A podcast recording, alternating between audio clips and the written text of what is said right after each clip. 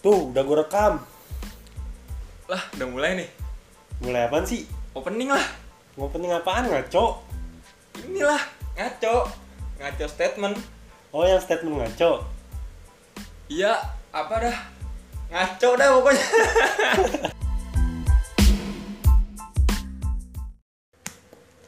Udah langsung aja nanya. Apa yang mau tanya?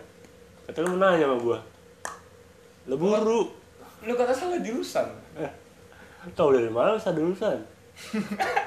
ya emang sih gue salah jurusan. Enggak, kenapa dah lu ngerasanya dah? Hah? Kenapa lu ngerasa salah jurusan? Ah, sumpah ya. Dari awal nih, gue emang kuliah iseng doang guys pertama kayak gue searching nih di Google ah searching ah iseng kuliah termurah dapet dah tuh yang paling atas tuh Hmm. terus gue gue coba kan daftar emang sih harganya murah. Dan pas dicek ternyata jurusannya itu itu kan apa D3 akuntansi tuh kan. Udah lah tuh. Pertama kuliah tuh kayak gimana ya kayak Gua ngerokok kali ya. yang ngerokok aja bah jangan kayak kaku apa? Ya udah. biasa aja bah ya gitu kayak Ini tuh buat basa-basi yang kedengeran. ya lagi. Ya udah. Terus? Ya gitu kayak pertama kali kuliah tuh gue bener-bener kaget kan apalagi gue SMA tuh gue nggak terlalu itu banget kan sama akuntansi nggak terlalu paham banget lah nggak terlalu mendalami banget kan. Nah sejak dari situ gue kayak ah apaan sih nih ya kuliah ya? Terus kayak makin pusing. Itu aja semester pertama tuh masih pusing tuh anjing. Lu ngulang tuh ya, lu ngulang satu. Nah itu iya tuh ada yang ngulang tuh satu tuh gue D tuh astagfirullah tuh. Akuntansi pengantar pula pengantar satu. Yang lain mah pada C. Gue doang D sendiri tuh kan ya udahlah biar aja ntar tantar aja ngulangnya kan nah ya udah habis itu semester 2 3 berjalan terus pas ah, pas sekarang nih ya semester 4 gue ngerasa kayak ah gila ini makin Berarti bisa- kusut ya Berarti lu bisa dibilang kalau lu kuliah itu cuma memenuhi sosial standar dong. Hah? Kayak memenuhi sosial standar biar kayak Iya buat formalitas gitu Iya maksudnya. biar sama keluarga besar lu kalau ngumpul kalau Ah. eh ibu, mana kuliah? anaknya kuliah di mana? Ah, di sini ya ah, nyebutinnya. ah. Kan kalau misalkan oh nggak kuliah nih, aku nggak jelas dong nggak PS doang kerjaannya. Kan nggak enak kalau kayak gitu ya. Ah iya lah anjir. Jadi bisa dibilang nah ini gue penasaran sebenarnya sama lu nanya. Ah. Lu iya gue tahu ya walaupun lu sekolah berformalitas doang, tapi Ah. kenapa lu milihnya akuntansi di situ? Ya kan gue udah bilang dari awal, gue juga iseng-iseng doang kan, tapi kayak gimana ya? Makin kemari tuh kayak walaupun gue juga ngerasa salah jurusan, walaupun berat, tapi kan satu sisi juga ada hikmahnya juga sih yang gue dapet. Gue kayak belajar bisnis, caranya bisnis, caranya lu planning manajemen kan kayak gitu. Udah gitu gue juga alhamdulillah gue dapet temen yang enak lah gitu kan, apalagi yang bahas-bahas kayak gini bisnis segala macam investasi kayak gitu sih. Alhamdulillah walaupun gue salah jurusan tetap aja ada hikmahnya gitu Tapi sebenarnya lu ini anak yang lebih ke apa sebenarnya? hmm? Hobi lu mancing kah, nulis? gue ya sebenarnya tuh hobi gue tuh sebenarnya dari dulu dari kecil dari orok tuh gue nggak tahu kenapa kayak enaknya tuh gambar gambar gue kayak luapin ekspresi gue lewat gambar kan kayak gitu cuman pas gue pengen daftar tuh di di kampus kesenian kan gue udah be- udah coba beberapa kali sampai gue tes mandiri gue ditolak tuh Buset dah. gue udah apa? shock banget tuh Gambar lu kurang atau apa? kagak emang kayak gimana ya emang banyak juga sih itu yang daftar ada Saingannya banyak. ah iya saingannya banyak terus pas itu gue coba kan ujian mandiri di salah satu kampus tuh di UI dalamnya ada tuh kampus tuh gue coba itu daftar mandiri kan. Eh iya daftar mandiri gue coba gue tes yang soal-soalnya tuh gue udah lolos. Hmm. dan itu kan nanti habis itu ada interview gitu kan. Nah semenjak itu gue interview kagak dipanggil panggil nah sementara gue pengen nyoba di kampus ternama kampus seni ternama. Ya itu mahal. Ya ya udah akhirnya gue memutuskan buat kuliah akuntansi ini itu karena kenapa gue milih ini? Ya karena emang murah sih kayak gitu. Ya walaupun ke dalam-dalamnya matkulnya ini kayak berat kan tapi gue have gue bungkus ini biar have fun aja lah dia. Kayak gitu. Kayak gue lebih kenal temen gue lebih banyak kenal abang-abangan tuh yang banyak channel dan kayak gitu gitu nah, Gitu berarti sih. bisa dibilang ya ada hal yang anjing gua nggak dapet nih. Tapi dia juga tapi gua dapetnya di sini nih. Iya. Kayak gitu walaupun I see, I see. walaupun salah jurusan ya gue ngerasa kayak oh ternyata ada hikmahnya. Kan kayak gitu. Tapi kalau lu lulus nanti Hmm. kalau lulus ya jangan sampai pindah-pindah jurusan mulu eh, lu bakal berkecimpung di dunia yang sekarang lu pilih apa lu ah gue pengennya apa namanya ngejawab ego gua nih Oh. gua gua demen hal-hal yang berbau seni nih eh, gue kata gue akuntansi ya udahlah gelar gue aja Oh. apa emang ya udahlah gue pengen terusin di sini nih eh. ya kalau buat itu gue sih biar kerja dulu lah sama jurusan gue kan yang Hmm. Berkecimpung di dunia akuntansi itu. Gue pengen kerja ntar gue juga pengen lu eh, lanjutin lagi kuliah. Udah itu gue juga sekalian gue matengin mimpi-mimpi gue dari dulu gue pengen tuh. Gitu. Habis itu gue jadiin bisnis. Maka dari itu gue di aku di akuntansi ini gue kayak belajar bisnis belajar bisnis terus belajar pajak juga segala macem. Alhamdulillah gue kayak nambah-nambah ilmu lah walaupun sedikit kan gitu. Nambah orang juga nambah nambah temen nambah channel nambah lu. nggak berarti lu ngerti lah cara ngelapin pajak ya? Ntar itu ngomongnya belakang aja ya kalau itu jangan dibongkar lah pak. Ya, udah ntar gampang lah ntar gak ada. Nah, nah ini tuh nih ngomongin kuliah. Ah. Gue masih banyak lah hal yang pengen gue tanyain sama lo nih. Apaan tuh soalnya? tapi kayak lo pengen nanya juga nih sama gue nih lah iya lu Ya dari tadi udah. gua ngomong mulu nah ya udah. Sekarang gimana dah? Kuliah lu? Kuliah gue gue jurusan di marketing komunikasi. Hmm. yang di mana gue namanya aja udah asing banget dulu. Nah. Anjing lu tahu kan zaman gue SMA gimana? Hmm. ya pelajaran apa? Prakarya. Yang Oh. yang, yang yang ngebahas tentang periklanan itu itu apaan ya yang gue mikirnya? Iya periklanan malah ngurusin kambing. Tapi emang sih emang make sense sama enggak gue mikirnya anjing ah, apaan sih ini? Gue nggak nggak paham sama sekali. Dan gue juga mikir ah gue nggak bakal pernah ngedal- ngedalamin ini ini apalagi Eh, eh. ya tau sendiri lah guru kita gila ya. Tapi pas gue milih jurusan Hmm. kenapa gue milih jurusan markom? Pertama ini paling murah di kampus gue iya. Asli.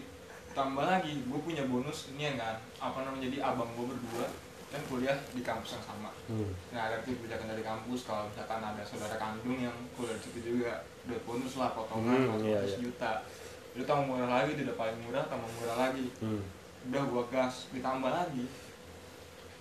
Gue nanya kan mbak ini ada matematikanya mbak oh ini nggak ada. Udah aman gas nggak ada matematikanya. Tapi statistik statistik ada kan? Ada statistik. Tapi cuman gue mikirnya ya. dulu hampir sama kayak lu. Kuliah buat ngebutuhin sosial standar doang. Ah. biar nanti nggak bisa lulus SMA nih. Ah, nggak kan gue liburan SMA tuh dagang-dagang tuh dagang-dagang nggak jelas. Nah gue daripada ah pada nganggur nih udahlah. Hmm. buat biar orang orang tua nggak malu orang tua gue nggak malu aja tanya sama tangga eh anaknya kuliah di mana atau saudara gue gitu Eh. kalau gue gitu tapi emang gimana gue ngalamin dunia markom oh ini ini dunia yang gue cari Ah.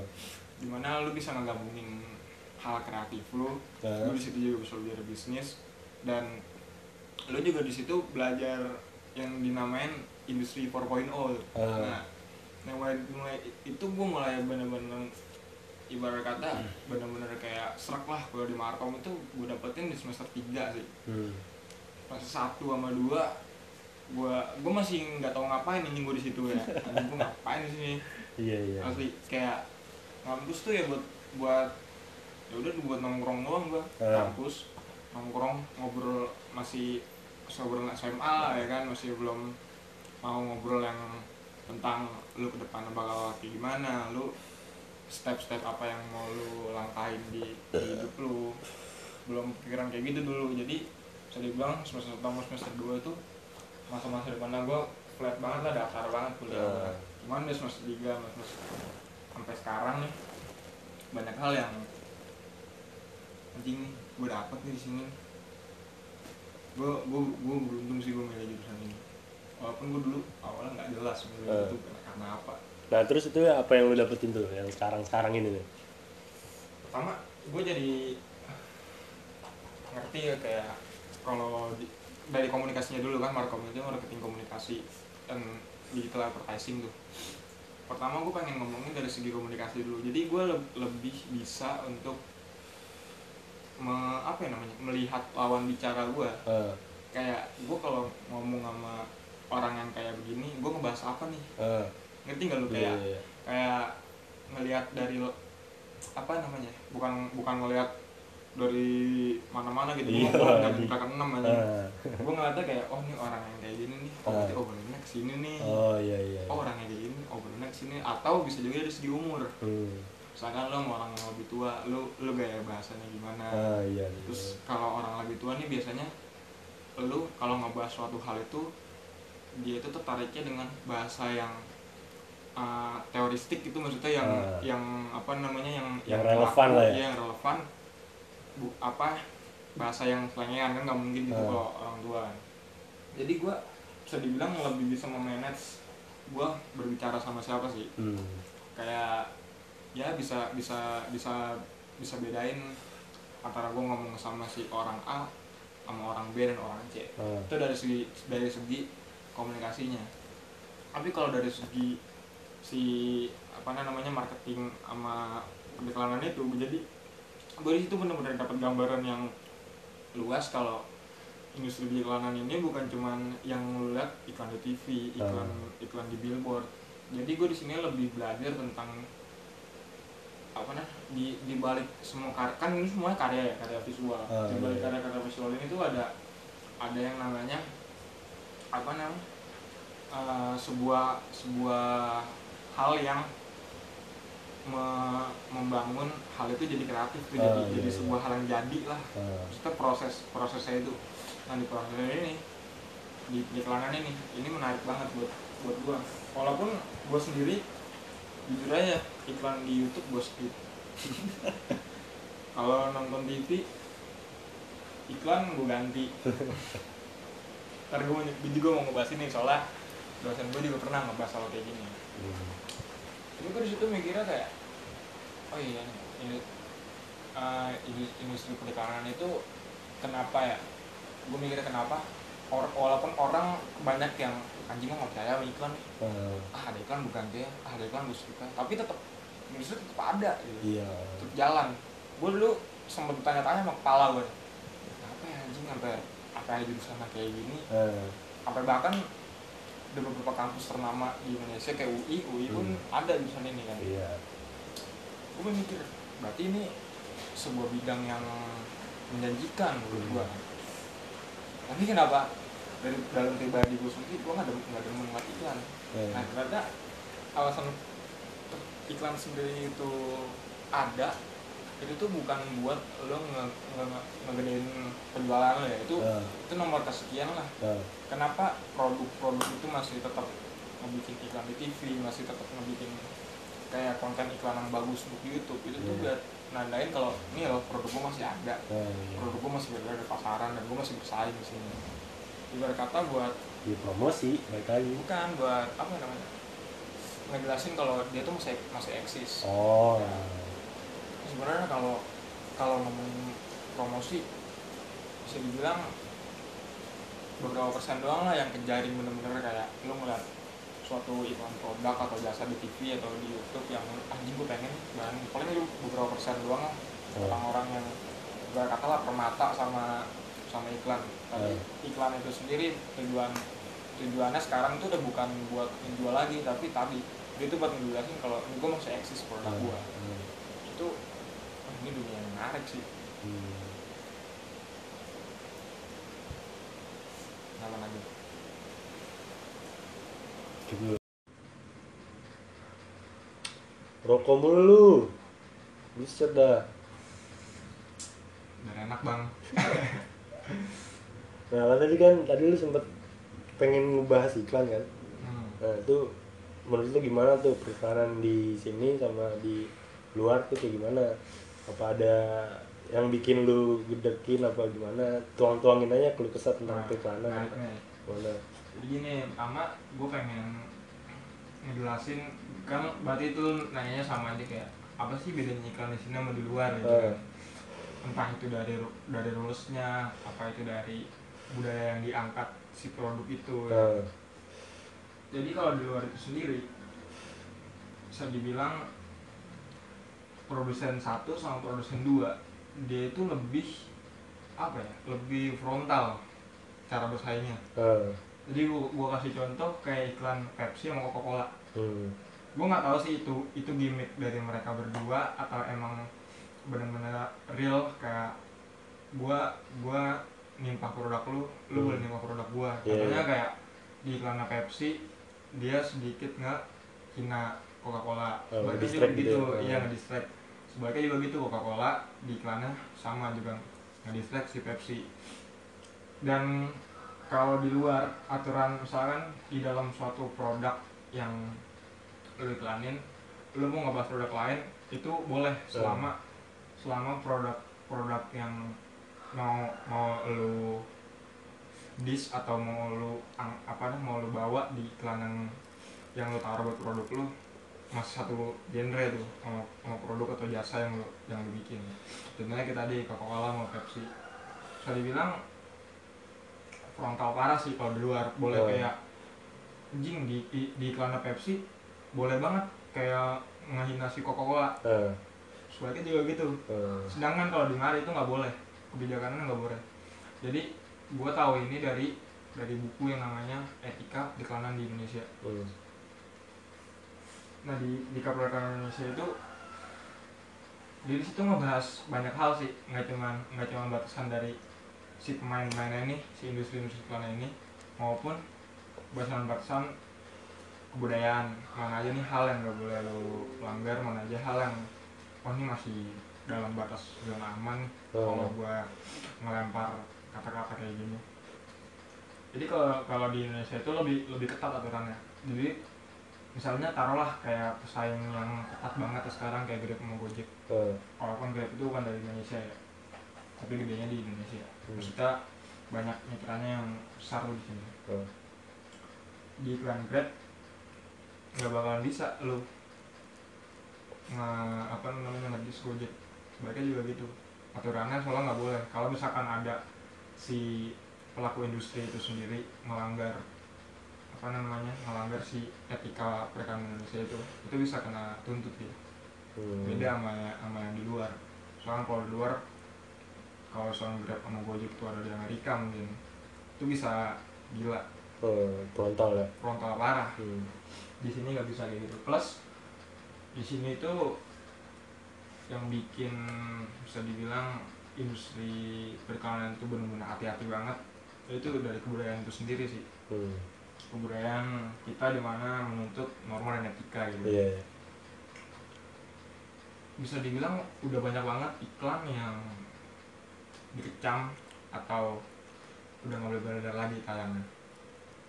Contohnya kayak dulu ada tuh iklan chat.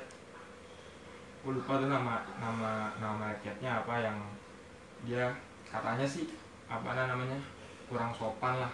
Oh yang adegannya itu ini apa namanya yang ini jerok yang ada orang ngechat Hah? terus tiba-tiba si ceweknya duduk eh nggak tahu itu chatnya belum kering oh iya iya gue tahu itu ya, gua lupa tuh nah Ah. kan si ceweknya kan kayak oh iya iya iya gitu tuh. Ah. nah itu katanya ngeliatin bagian yang apa ya namanya bagian tertentu yang sama lu tuh nggak boleh Oh. Ya. Ada juga iklan iklan rokok kalau nggak salah yang ngambilin si ada jin sama ada si kerja kantoran ini dia minta sesuatu. Oh. Terus ada cewek joget-joget. Oh iya itu iya tahu bang jadi dilarang sama banyak lagi sih beberapa. Yang akhirnya di take down sama ya itu tadi pihak censorship sih lebih tepatnya.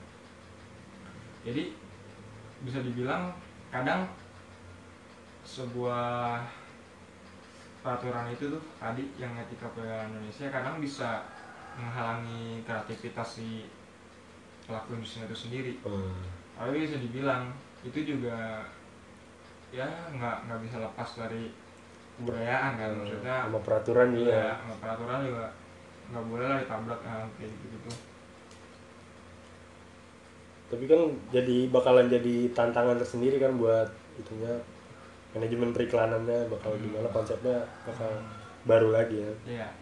Jadi bisa dibilang kalau si pelakunya ini dia itu benar-benar hati-hati banget lah dalam dalam ngekonsepin ini iklannya biar biar ini menarik tapi ini nggak melanggar tuh gimana itu itu kayak gitu Iya. berat banget tantangan juga itu tuh di mana lu lu mikirin lu selain lu mikirin konsepnya ini bakal bakal bikin mereka gimana ya sama lu mikirin kayak anjing hal yang hal yang nggak bisa yang nggak bisa gua tembus apaan nih? Hmm. kalau gua ngelangkah ke sini salah nggak gue ya? Hmm. ngelangkah sini salah nggak? Itu kalau kalau lu sebagai art directornya atau si kreatif yang bikin konsep itu asli lu lu bakal bakal ancur-ancuran lu bikin konsepnya. Karena lu mikirin mikirin dua hal yang beda tuh. Makanya di tim belakangan itu sendiri kan dia punya tim itu yang buat ngecek kayak oh ini layak nih untuk ditayangkan oh ini kagak gitu Hmm. jadi bisa dibilang banyak juga sih pela- pelaku-pelaku industri periklanan yang bisa dibilang main udahlah gue main aman aja lah Hmm. pada udah gue bayar mahal-mahal terus ini nge-hire art director ini Hmm. tiba-tiba di, di take pun kalau di luar gue cuman tahu dia tuh lebih lebih bebas sama bisa lebih frontal. Itu yang yang bikin beberapa iklan luar tuh bisa menarik gitu. Hmm. karena selain jadi gini iklan iklan itu sendiri kan dikonsepin berdasarkan target mana nih yang mau yang mau lu gapai. Oh iya iya. Segmen mana yang yang yang mau yang mau lu tarik gitu ya jadi bisa dibilang dari gambaran target dan segmen mana yang mau tarik lu bisa oh kalau gue mau nargetin target yang ini nih target A misalnya oh gue bikin konsepnya nih kayak gini nih Hmm. oh gue kalau mau nargetin segmen yang, yang A oh gue cara nyampein pesana tuh caranya begini nih Hmm. biar kena iya iya. jadi banyak di mana yang kalau lu tahu terutama yang yang gua salut di industri perjalanan tuh sekarang jangan Gojek sih dia dia kalau bikin bikin suatu iklan tuh menarik menarik banget sih Hmm. jadi kayak contohnya kayak dia bikin iklan kampanye soal pemilu dulu Hmm. yang di mana rata-rata kalau pihak-pihak yang serius ya yang serius mau kampanye pemilu itu menurut gue bikin periklanannya atau bikin informasinya yang mengenai pemilu itu agak boring gitu kan cuman kayak oh lu datang ke Oh lu apa namanya dap- nama lo terdaftar di mana kayak ya Hmm. gitu doang lah template banget tapi kalau Gojek ini lu bisa cari sendiri di, di YouTube iklan Gojek Ingat pemilu itu asli menarik banget sih itu dan apa namanya pasar yang yang diincar kan untuk kayak gitu pemilih milenial ya Hmm. gue nggak tahu sih itu banyak yang golput atau kagak sih gue sendiri sih nggak gue Eh. sendiri nggak kok gue malah kagak nyoblos jokin Anjing. kakek gua. Hah? jokin kakek gua nggak dijagain. Ya udah gue jokin aja. Jangan dah. Kakeknya juga nggak nyoblos? Hah? Kakeknya juga nggak nyoblos? Enggak. ya namanya lagi sakit ya. Masa bisa diituin apa diwakilin nggak bisa. Ini gue mau mau nge- ngebahas juga beberapa hal yang sebenarnya gue juga ketika kalau lulus di Markom gue juga kayaknya nggak pengen sih bikin dunia iklan gitu. Oh apa? Karena jujur gue nggak nggak nggak tertarik sama sekali sama sama periklanan iklanan itu. Maksudnya nggak tertarik dalam artian kayak buat kebebasan Karya. berekspresif gitu Iya, gue tuh masuk makom jujur ya tadi gue ngam- ngambil ilmu 4.0 nya Hmm. ilmu komunikasinya sama ilmu marketingnya atau Oh. bisnisnya gitu. Bukan buat diri gue untuk berkecimpung di dunia advertising karena wah enggak lah gue kalau untuk di dunia advertising itu. Soalnya gue mikir gue tuh pribadi yang kadang kalau bikin suatu hal agak frontal nih agak Oh. agak gimana takutnya kalau misalnya gue masuk ke dunia industri bekanan disuruh bikin eh bikin nih kalau menarik nih iklan targetnya ini terus gue takutnya gue nggak bisa ngejaga konsep itu supaya tetap ada dalam jalur. Gue punya kayak gitu. Karena untuk sekarang sih gue nggak kepikiran untuk gue bakal lanjut nih ke iklan tapi kalau misalnya BU ya. Bisa. Ya bisa.